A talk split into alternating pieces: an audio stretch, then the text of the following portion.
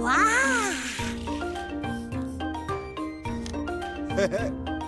！hauek balio dute. Bai. Presti, puin txikiak eta soinu handiak. Itxero nahi da, unetxo bat. Roar, roar! Mm. La, la, la, la, la, la, la, la. Primeran, orain bai, grabatzera seme danbor. Eta eta txor txor, Biok aurkeztuta, ipuin txiki, Soinu handi. gaur gurekin, Taran, taran, tan, tan. mamuaren historioa, Douglas Amaya Bergelen ipuina. Taran, taran, tan, tan.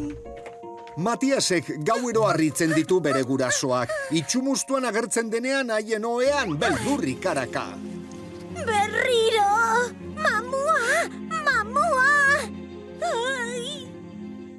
Lotara doanean, Matiasek beldur handia izaten du bakarrik geratzeko.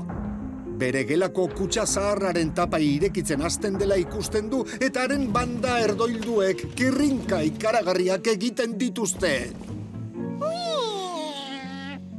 Gero, handik pertsonaren itxurako izara zuri bat irteten ikusten du. Berari begiratu eta egiten dio. Matiasi hilea lastu eta mihia lotu egiten zaio. Eta bakar bakarrik esan ahal izaten du.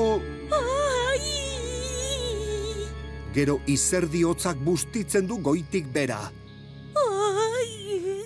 Eta azkenik pixa egiteko gogo bizi-bizia sortzen zaio. Ai ez, orain ez! Zer egingo dut? Aitaia da aspertuta dago egoera horrekin. Ilargiaren argia leiotik sartzen da, zuk ikusten dituzun mamuak arke egiten dituen itzalak dira. Baina mutikoak benetan uste du bere gelako kutxan mamu bat dagoela. Ez, ez, ez.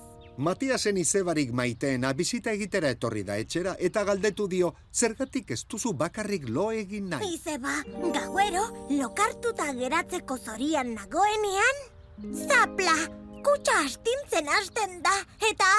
Izebak Matiasek esan behar dion guztia entzun eta erantzun dio. Sentitu duzu inoiz pentsatu duzuna esatea zaila dela? Mutikoak berari gertatzen zaionarekin ze zerikusi duen ulertu gabe esan dio.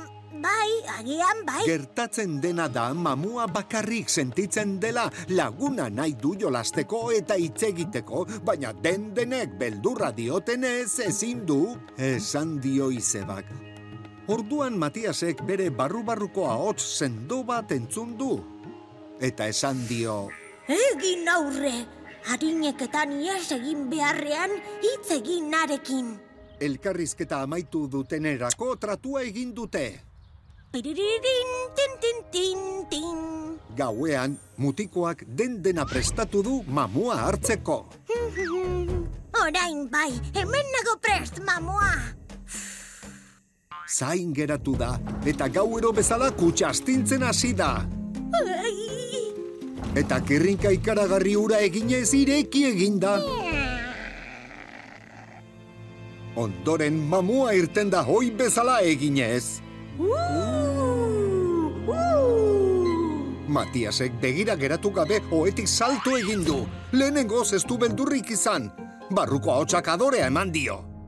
Alabi, alaba, alabin, bon, ba. Hitz egin, hitz egin, ra, ra, ra. Eta mamuari esan dio. Enauzu ikaratzen, eta mesedez, enazazu gehiago nekarazi. Goizean goiz jaiki behar dut eskolara joateko, eta zure erruagatik ezin dut lo ondo egin, kito. Orduan gauza harrigarria gertatu da. Orain badirudi mamua dagoela ikaratuta. Burua makur-makur eta lotxaz beterik esan dio.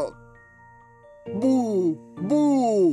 Gau on, lehenengo barkatzeko eskatu behar dizut. Nik kutsaren banda koliostatzeko bakarrik eskatu nahi nizuen. Egunean hainbat aldiz irekitzen duzue, eta ni irakurle handia naizenez, zarata horrek ez dit kontzentratzen usten. Lotxatia naiz ez ditut hitzak argi esaten eta denek pentsatzen dute ikaratzeko irteten naizela. Baina, baina nik agurtu egin nahi ditut, besterik ez. Bu, bu, Gau hon! Matiasek erruke hartu dio mamuari eta ia itzik gabe geratu da. Hene, hazen hastea izan dugun. Egoera argituta mutikoak eta mamuak kutsaren banda koliostatu dituzte.